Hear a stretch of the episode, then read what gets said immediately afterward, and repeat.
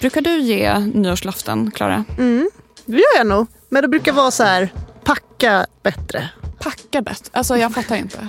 Nej men det var väl något då jag kände så här, oh, här kommer vi på flygplatsen eller vad det är med så här fem olika halvstora väskor. Jag måste köpa en stor väska och vara lite värdig när jag reser. Men nu kanske det ändå är dags för ett större, mer livsomvälvande nyårslöfte.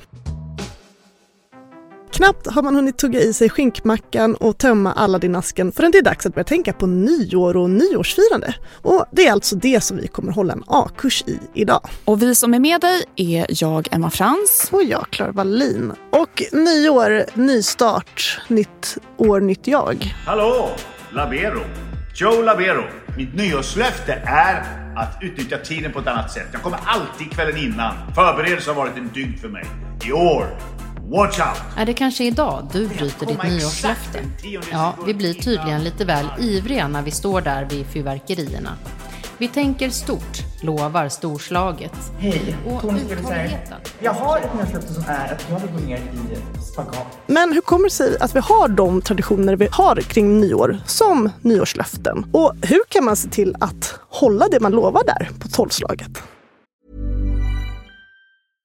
Hiring for your small business? If you're not looking for professionals on LinkedIn, you're looking in the wrong place. That's like looking for your car keys in a fish tank.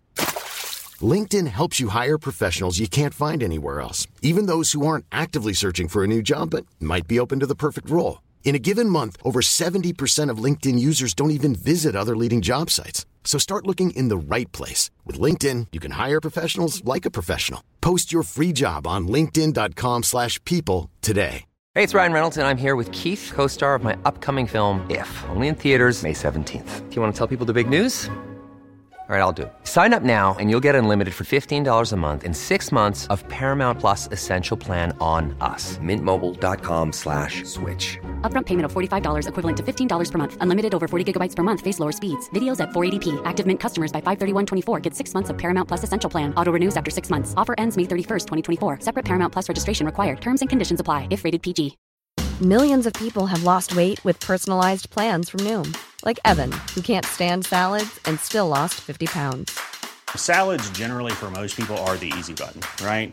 For me, that wasn't an option. I never really was a salad guy. That's just not who I am.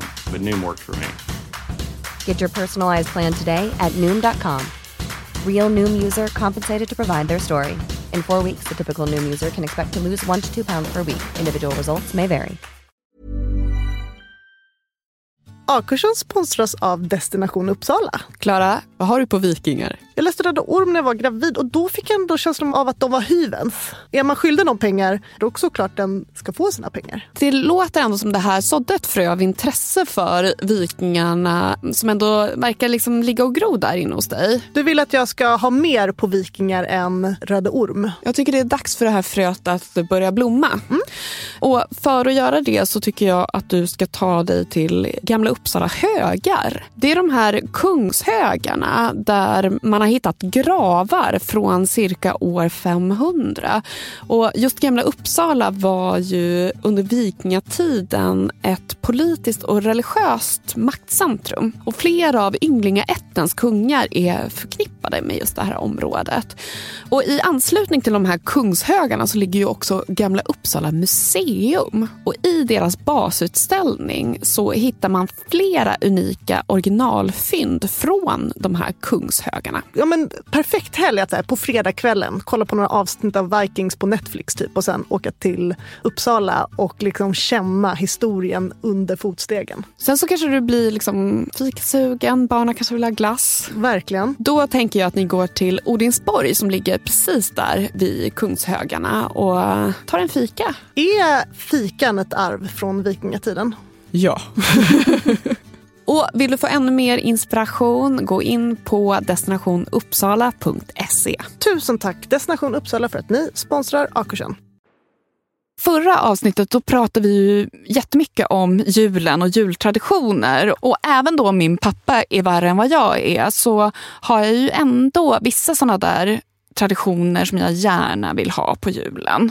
Och du är väl lite likadan? Du vill ändå ha lite traditioner? Mm, absolut. Men när det kommer till nyår, då är jag faktiskt ganska liksom öppen för nya traditioner. Eller, du vill väl ha glitterkläder på dig? Ja, alltså, jag har liksom tänkt lite på det här. Vad är viktigt för mig när det kommer till nyår? Och det är väl dels det här, jag tycker att man ska klä upp sig. Jag tycker inte man ska fira nyår i jeans och t-shirt.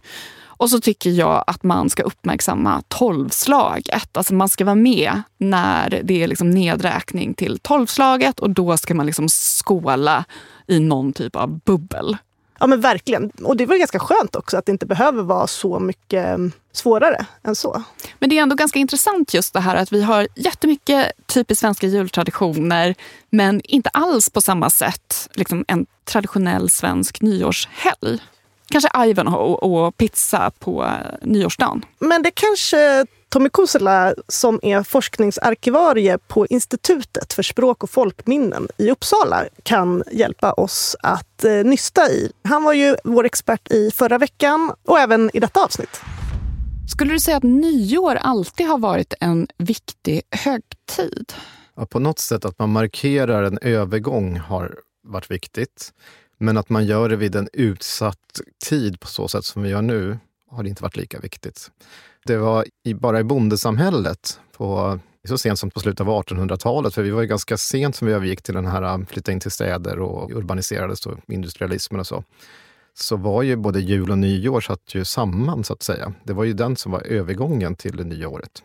Och det man firade då? Var det liksom att det var som mörkast eller att det var som kallast och att man liksom började gå mot ljusare tider? Ja, alltså du firar ju dels att du övergår till ljusare tider för att efter den mörkaste natten den 21 december, som det är numera, så börjar du gå mot ljusare tider. Men det är ju också vårt behov av att konstruera tiden kring oss, att vi har de här åren och markerar så att vi kan räkna bakåt. Så det är ju egentligen myndigheterna på sätt och vis som fastslår det här. För vanligt folk, framförallt i äldre tid, spelar det väl ingen roll om det var år 1653 eller 1657. Man liksom verkade och levde där man gjorde, men det var ju kanske viktigare för myndigheter att hålla koll på saker och ting. Har fokus när det gäller nyårsfirande alltid legat på tolvslaget? Nej, det har det nog inte, utan det är natten. Det är en övergång under natten i sig som är viktig. För om man tittar på folktro och folkliga föreställningar som är förknippat med just nyår så är det nyårsnatten som man pratar om. Så det är ju den här natten man kan stöpa tenn. Det är den här natten man kan utföra vissa typer av spådomar, olika typer av ritualer. Så att det är nog natten som är övergångstiden. Vad har du för nyårslöfte i år? Någonting som jag gärna vill göra det är att kanske konsumera mer hållbart. Jag är väldigt intresserad av kläder, jag tycker det är väldigt kul med kläder. Men ibland så köper jag grejer som bara liksom hänger kvar i garderoben med prislappen och jag använder dem knappt. Och när jag hittar dem i garderoben så får jag jättemycket ångest och tycker att jag är en värdelös människa som köper grejer och konsumerar på ett sätt som är absolut inte hållbart för vår planet. Så det här är någonting som jag känner att jag definitivt skulle kunna förbättra hos mig själv.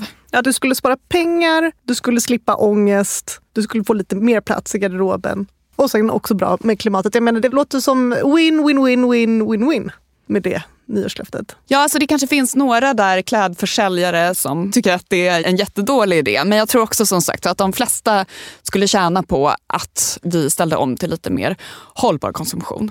Du då Klara, det här med packningen, har du fått ordning på det? Nej. Är det det så återkommande? det är det du går omkring och tänker på så här kring nyår varje år? Ja, alltså nu åker vi mest till vårt landställe och det är så himla bra för då får man ha såna här töntiga Dramaten. Det är nästan konstigt om man inte har det. Men så packade jag den med en säck betong. Och då... Så det verkar inte gå jättebra med det här nyårslöftet, tänker jag. Ja, då knäcktes hjulet för det var ju alldeles för tungt. Så nu är den, men det är kanske inte tillräckligt nyårslöfte att köpa en ny Dramaten. Men ett nyårslöfte jag faktiskt på riktigt borde ha är att sluta dumskrolla. Alltså det är ju hemskt att tänka på hur mycket tid som bara sugs upp i ett vakuum av att bara sitta där och dra med fingret på Instagram. Har du några favoriter bland nyårstraditioner som gått ur tiden? Jag har ju som forskare har jag sysslat med någonting som hette att gå årsgång. har jag skrivit ganska mycket om. Och det här är ju i princip helt, där det är helt utdött. Det är några som har tagit upp det faktiskt via min forskning som har börjat utföra årsgång igen. Och det här är ett sätt för, man skulle under nyårsnatten då ibland är det midsommar, men det vanligaste i de här runt tusen uppteckningar jag läst, så är det nyårsnatten och då ska man fasta. Man ska, får inte berätta för någon att man ska göra den här årsgången. Så ska man eh, mitt i natten och nyårsnatten ska man bege sig till sockenkyrka. Så ska man gå runt den ett visst antal varv. Det här är magiskt, så det ska ju gå motsols. Och då kommer man bli känslig för det övernaturliga. Man kommer se och höra saker, tänkte man sig, som drabbar hela bygden. Så man möter övernaturliga väsen, man kan se likprocessioner, då ser man vilka som kommer dö i bygden. Man kan se in i stugorna, då sitter kanske någon med en krona, då kanske det betyder att den blir gift under året, eller att den sitter huvudlös, ja då kommer den personen dö. Och man kan se på åkrarna och fälten om det blir, eller höra om det blir bra skördeår nästa år. Man kan höra kanonsalvor, det betyder att det kanske blir krig. och sådana saker. Och så den här personen fick heller inte berätta för någon vad de hade varit med om den här natten. Så det är en slags förklaringsmodell till att någon kan vara kanske trolldomskunnig eller någonting, eller kunna se saker och ting. Men eh, det är väl en sån här tradition som är helt borta, som jag tycker är spännande, men det är mer kanske ur forskningssynpunkten. Men varför ville man kunna då se in i framtiden? Var det för att man skulle få en sorts status? Som ja, liksom, en status. Ja. Mm. Som klok brukar man prata om förr, att man var klok, alltså en klok gubbe eller gumma. Och det var oftast de kanske var läkekunniga, men de kunde också trolldom. Och det här är någonting som man kan förklara varför och hur de har kommit över den här speciella kunskapen. Då. Varför har det varit vanligt med just spådomar kring nyår? Du nämnde det här med att spå i tenn. Jo, alltså det är en viktig övergång på året så att säga. Du har de två viktigaste övergångarna egentligen midsommar och sen så har du julen. Och i och med att det är en övergång så är det en tid från ett stadium till ett nytt. Det låter kanske lite väl teoretiskt, men så tänkte man också att det är en övergång. Och i alla övergångar så kan man få en försmak på vad komma skall. Och man pratar ibland om det första man utför, exempelvis på nyårsdagen. Det ska man också prägla det kommande året. Man kan prata om det första mötet eller det första djuret man hör eller ser som kommer också påverka saker som kommer ske under året.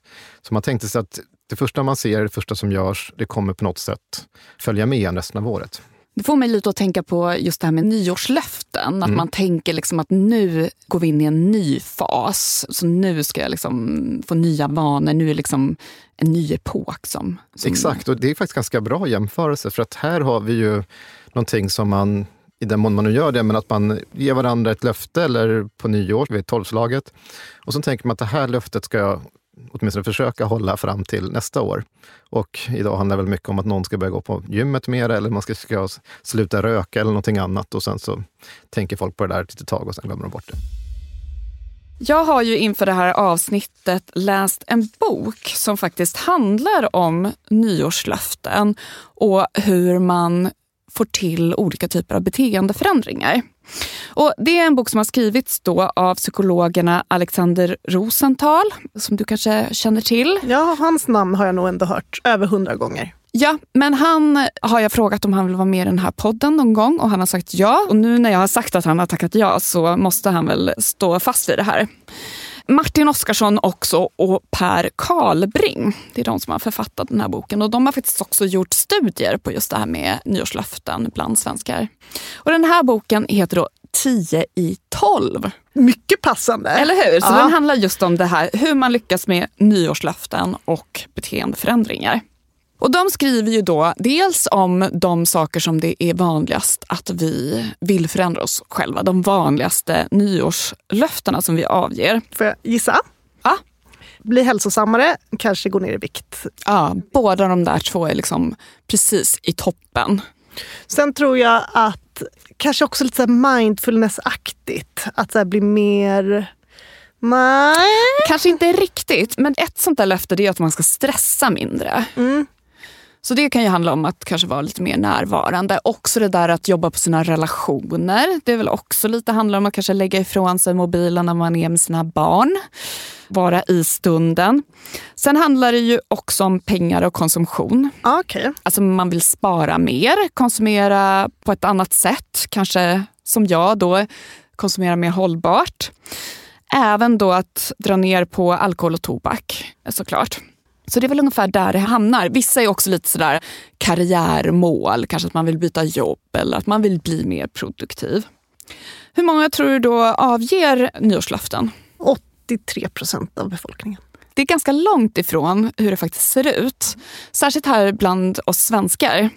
Amerikaner, då har man kunnat se i undersökningar att ungefär 40 50 procent avger nyårslöften. Men i Sverige är det omkring, liksom, i de undersökningar som jag har sett i alla fall, bara 17-18 procent. Alltså färre än en femtedel. Jaha, jag trodde ändå att de flesta, även fast man inte bottnar så mycket i det, bara att just 10 i 12 bara tvinga fram något man borde, alltså mest för att ha något att prata om. Då. Ja, okej. Okay. Ja, ja.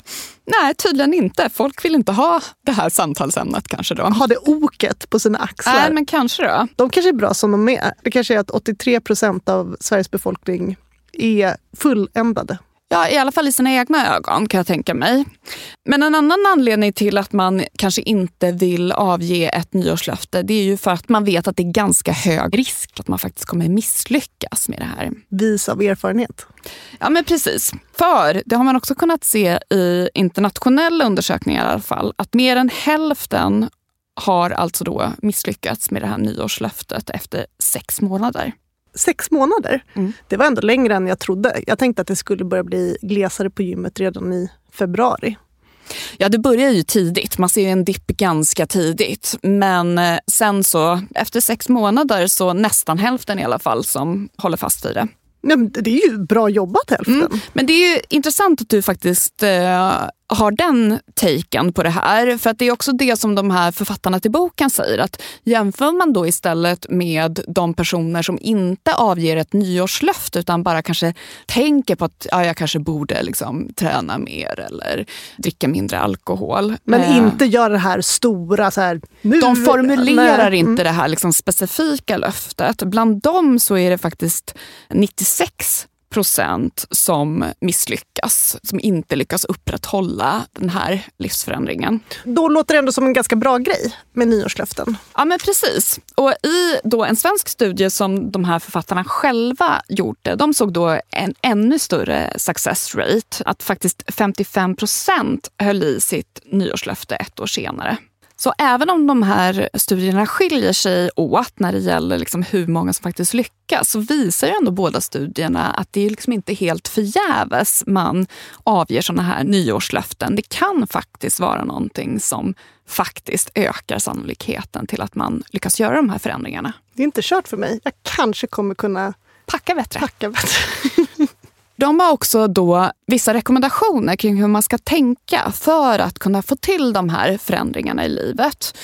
Och dels så kan det vara smart att utnyttja den här fresh start effekt och också faktiskt att man formulerar det här målet. Men vad är fresh start effekt? Ja, men det handlar om att forskare har sett i ett flertal undersökningar att människor verkar motiveras till att anamma nya vanor i samband med början på en ny tidsperiod. Och det kan vara nytt år, det kan vara ny månad, ny termin, till och med en ny vecka.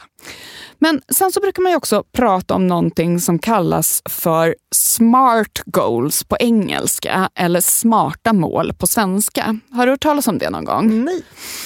Alltså SMART, det är här en akronym. Så det står för då att de här målen ska vara specifika, mätbara, attraktiva, realistiska och tidsbestämda. Alltså har man ett så vagt mål som kanske jag ska stressa mindre, då kanske det kan vara bättre om man liksom omformulerar det lite till att ja, men jag ska ägna mig åt mindfulness. Meditera efter lunch varje dag. Ja, eller att jag ska liksom stänga av alla notiser på min telefon efter att jag har gått hem från jobbet. Jag ska inte vara tillgänglig för samtal och mejl till exempel.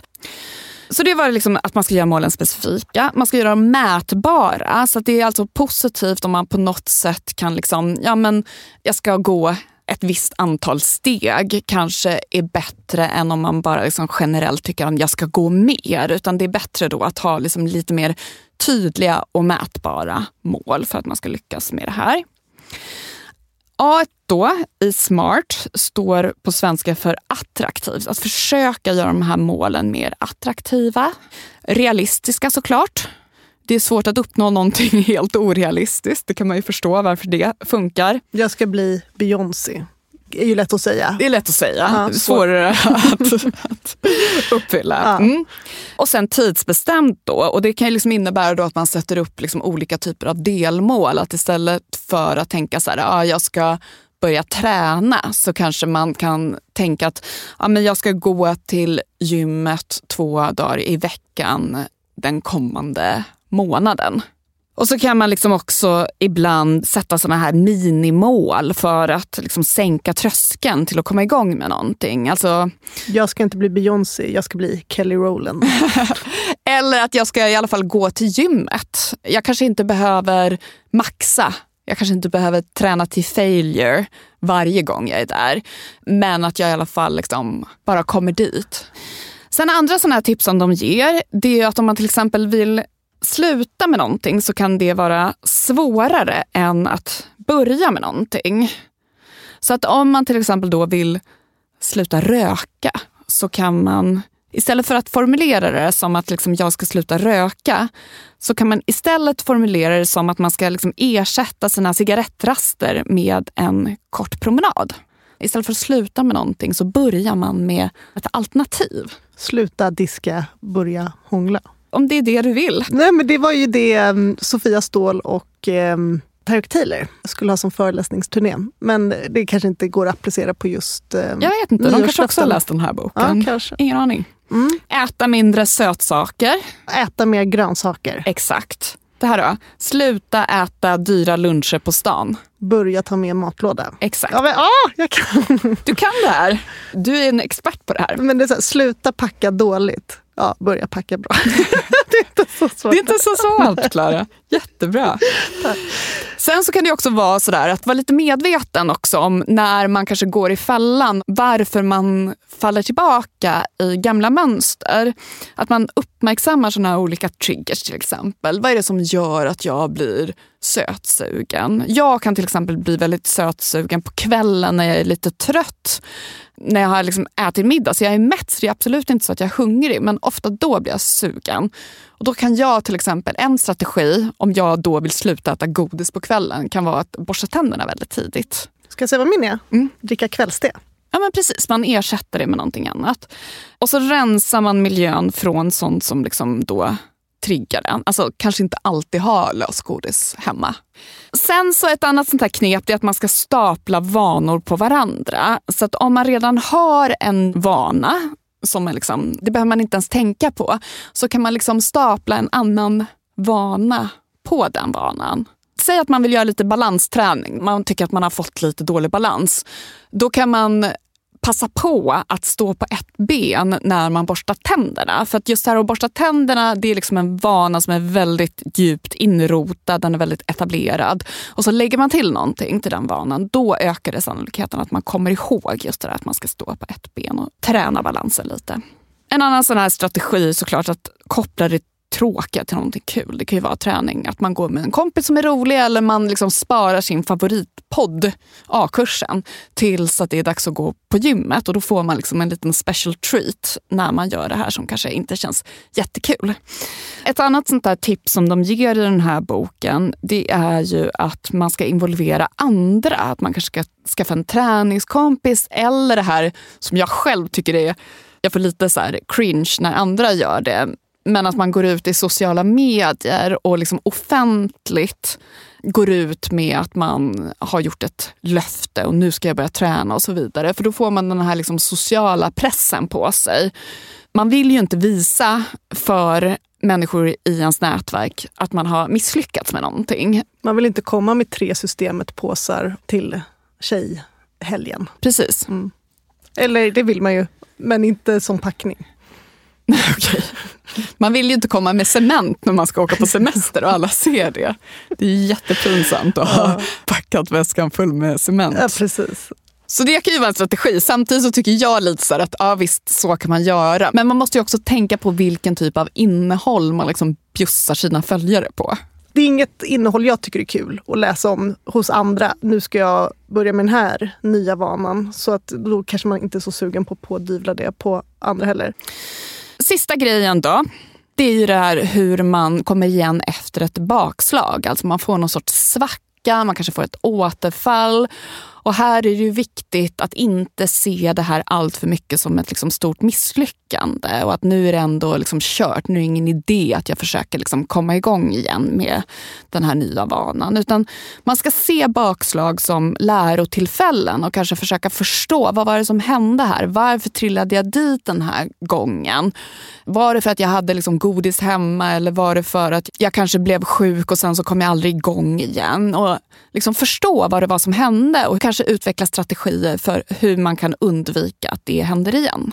Och Det tänker jag också är ett argument för det här börja med löftena istället för sluta med löftena. För om det nu är så att bakslag är en väldigt stor anledning till att ge upp så funkar ju inte det om det handlar om att börja med. Att så här, nu ska jag börja äta morotsstavar på kvällarna. Om jag äter godis en kväll, då är ju inte det kört. Jag kan fortfarande fortsätta äta morotsstavar. Men om det är jag ska sluta äta godis på kvällarna, då är ju bakslaget ett totalt misslyckande. Many of us have those stubborn pounds that seem impossible to lose, no matter how good we eat or how hard we work out. My solution is PlushCare. PlushCare is a leading telehealth provider with doctors who are there for you day and night to partner with you in your weight loss journey. They can prescribe FDA-approved weight loss medications like Wagovi and Zepbound for those who qualify. Plus, they accept most insurance plans. To get started, visit plushcare.com slash weight loss. That's plushcare.com slash weight loss. Hey, it's Ryan Reynolds, and I'm here with Keith, co-star of my upcoming film, If, only in theaters May 17th. Do you want to tell people the big news? All right, I'll do it. Sign up now and you'll get unlimited for $15 a month in six months of Paramount Plus Essential Plan on us. Mintmobile.com slash switch. Upfront payment of $45 equivalent to $15 per month. Unlimited over 40 gigabytes per month. Face lower speeds. Videos at 480p. Active Mint customers by 531.24 get six months of Paramount Plus Essential Plan. Auto renews after six months. Offer ends May 31st, 2024. Separate Paramount Plus registration required. Terms and conditions apply if rated PG. Millions of people have lost weight with personalized plans from Noom. Like Evan, who can't stand salads and still lost 50 pounds. Salads, generally, for most people, are the easy button, right? For me, that wasn't an option. I never really was a salad guy. That's just not who I am. But Noom worked for me. Get your personalized plan today at Noom.com. Real Noom user compensated to provide their story. In four weeks, the typical Noom user can expect to lose one to two pounds per week. Individual results may vary. A-kursen sponsras av Akademikernas a-kassa. Klara, jag tycker att det ser ut som du sitter där och är väldigt trygg. Och har inte jag varit trygg ända sedan du lärde känna mig? Jo, men det har du faktiskt nu när du säger det. Jag går liksom genom livet med någon form av grundtrygghet. Och det kanske är för att jag unnar mig att vara med i a-kassan. Men är inte det väldigt dyrt? Det är som en lunch. 130 kronor i månaden. Oh. Och då få denna trygghetsaura väldigt värt, ja. tycker jag. För att även om jag förlorar jobbet så står jag inte utan inkomst. I sånt fall skulle Akademikernas a-kassa betala 80% av min inkomst upp till 33 000 kronor i månaden. Och något som är så himla bra med just Akademikernas a-kassa det är ju att även om man byter jobb så behöver man inte byta a-kassa för att det är ju utbildningen som räknas. Man har ju alltid sina HP-poäng i ryggen. Mm. Och även om man inte har sina HP-poäng i ryggen så får man ändå gå med om man har det som mål. Just det, man är välkommen om man studerar och har som mål att ta minst, vad sa du, HP-poäng? 180 HP-poäng. Ja men det är helt fel. HP räcker ju, för P till HP står ju för poäng. Högskolepoäng. Ja, så högskolepoäng, poäng har vi sagt. Hoppas du blir smartare än oss av dina högskolestudier och gå in på akademikernasakassa.se a-kursen. Och bli medlem idag. Tusen tack Akademikernas a-kassa. The same procedure as last year, Miss Sophie? Same procedure as every year, James. Same procedure as every year, James. Skulle du säga att dagens nyårsfirande är traditionellt svenskt? Ja, det där är jag kan inte riktigt se vad i nyårsfirandet som det är idag som är typiskt svenskt faktiskt. Nej, inte jag heller. Det skulle Nej. vara det här med att man fortfarande kanske spår i tänd och att man gör sådana ja. saker. Men det är ju inte så vanligt utan oftast är det ju liksom champagne och... Ja, champagnen hör man ju av sig självt att det är ett inlån som inte är särskilt svenskt i grund och botten. Att fira raketer är ju inte heller typiskt svenskt. Det finns ju i stora delar av världen om man gör just vid sitt nyår. Att man samlas och äter ihop är väldigt viktigt, men det gör man ju också på andra håll. Och att man tittar på Grevinnan och betjänten dock, det kanske är någonting som är typiskt svenskt. Vilka länder skulle du säga att vi har inspirerats av?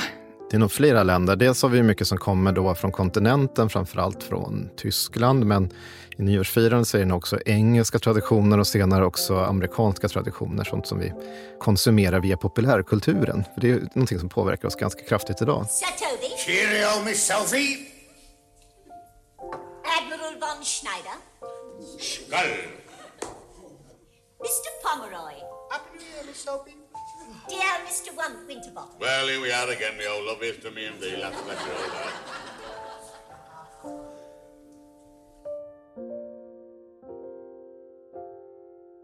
Det känns inte så konstigt att man ofta dricker champagne på nyår. Lite som Tommy förklarar att nyårsfirande ska ju liksom sätta standarden för resten av året. Och vad är champagne, Emma? Det är en lyxig dryck. Det är flärd, det är flott, det är gott. Såklart man vill sätta den prägen på året. Och när man läser runt lite verkar det som att ja, det är typ efterkrigstiden som man började dricka champagne för att då blev det mer lättillgängligt och sådär. Men jag läste inledningen på en artikel i Svenska Dagbladet från den 27 december 1990 och den börjar så här.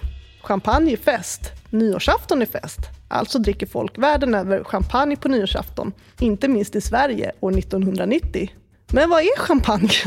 Jag tycker det var en liten hint om att det kanske inte är superetablerat. Det håller på att komma igång. Eller vad tycker du? Ja, kanske då. Alltså så länge jag kan minnas så har man druckit champagne på nyår. Nej, kanske inte.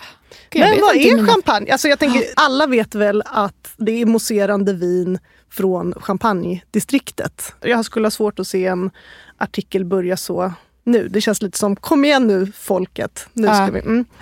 Men det har ju varit en flott dryck väldigt länge. Det sägs att Napoleon älskade champagne och släppade med det i sina krig. För vid seger förtjänar man det och i nederlag behöver man det. Han var bra på att packa med andra ord. Ja, packa för att bli packad. Mm. Sen har vi ju den ryske tsaren Alexander II som på 1800-talet blev väldigt förtjust i champagne. Men han tyckte det var lite läskigt med det här mörka glaset och den välvda botten. Kan du gissa varför? Han trodde att den skulle tippa och bara panga iväg någonstans, eller? Pang var nära. Mm -hmm. Att man kan gömma en liten bomb där i. Ah, okej. Okay. Mm. Så det var... Då är man paranoid. ja, men kanske med rätta. Ah. Och av den anledningen så började det göras champagneflaskor i kristall. Alltså helt genomskinliga med platt botten. Och det är alltså märket som blev Kristall. Hiphopparnas favoritdryck. Dricker du mycket Crystal? Nej, jag vet inte om jag någonsin har gjort det. Inte jag heller tror jag. Och kanske inte så konstigt för den enda kristall flaskan som finns till salu på systemet kostar 5 499 kronor. Det är ingenting jag tar till fredagsmyset i alla fall. Men vad tror du den dyraste 750 milliliters flaskan på systemet kostar? Alltså inte Magnumflaska utan vanlig. 7000 kanske? 11 519 kronor. Ah, de har så dyra champagne alltså. Mm. Moet Chardon. Okay. Och det var också en sån flaska, Moet Chandon, som Dan Gurney fick tilldelad när han vann racingtävlingen Le Mans 24 timmars 1967. Och det var då han etablerade trenden att vid seger spruta en flaska champagne. Och det är ju också en anledning till att Bernard Arnault är världens rikaste. Han äger ju lyxkonglomeratet LVHM, där M alltså är Moet Hennessy LV Louis Vuitton. Så att, eh, ja, det var min lilla champagne-trivia jag ville eh, bidra med. Mycket bra.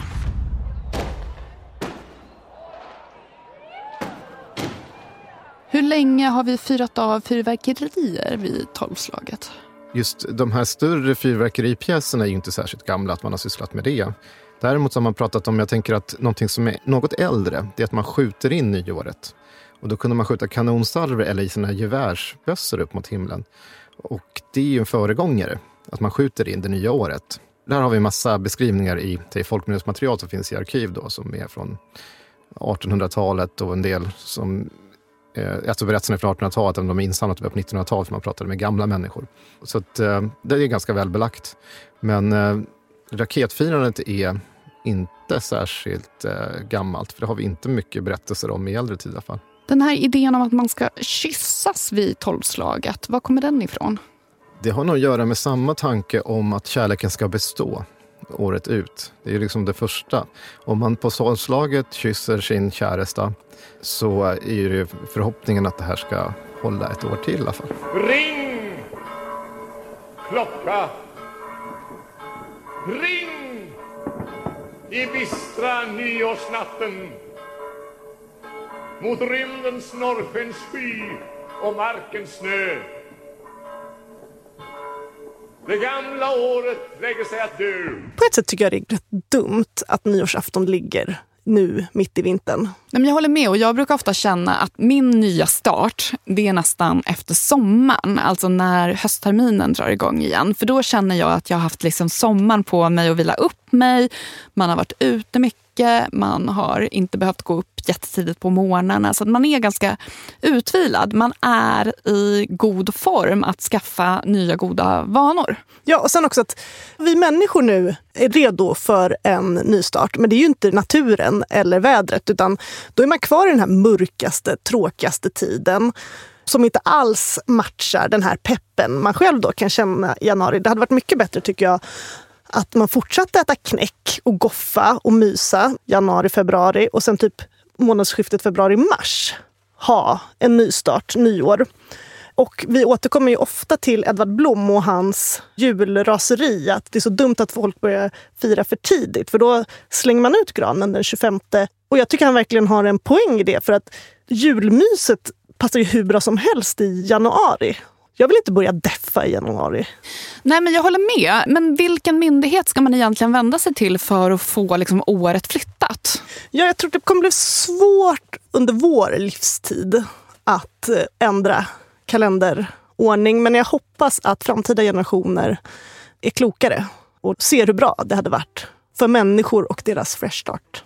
Men vad händer då med de som bor på andra sidan jorden? Jag vet ju inte allt om alla länder på andra sidan jorden, men jag har ju bott i Chile och där var det ju sommarlov när det var nyår. Så då är det ju ändå inte så bra. Man vill ändå ha efter sommarlovet för dem. Så lite som vi har nystart, så jag är övertygad om att de tycker samma sak.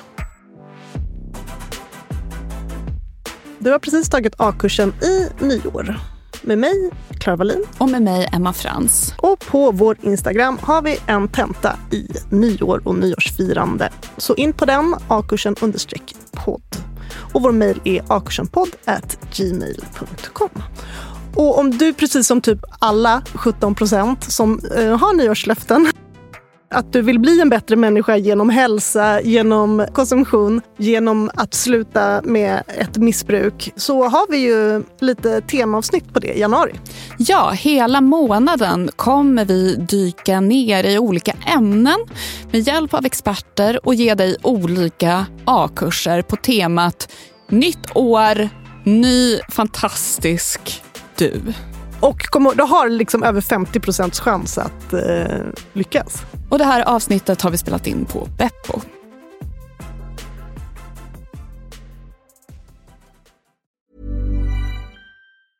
The secret to summer ready skin is here. Osea's number one best selling Andaria algae body oil, clinically proven to instantly improve skin elasticity and transform dry skin to silky, soft, and unbelievably glowing. Its signature scent of freshly squeezed grapefruit, cypress, and mango mandarin transports you to sun kissed summer days. Get healthy, glowing skin for summer with clean vegan skincare from Osea. Get 10% off your first order site wide with code GLOW at OseaMalibu.com.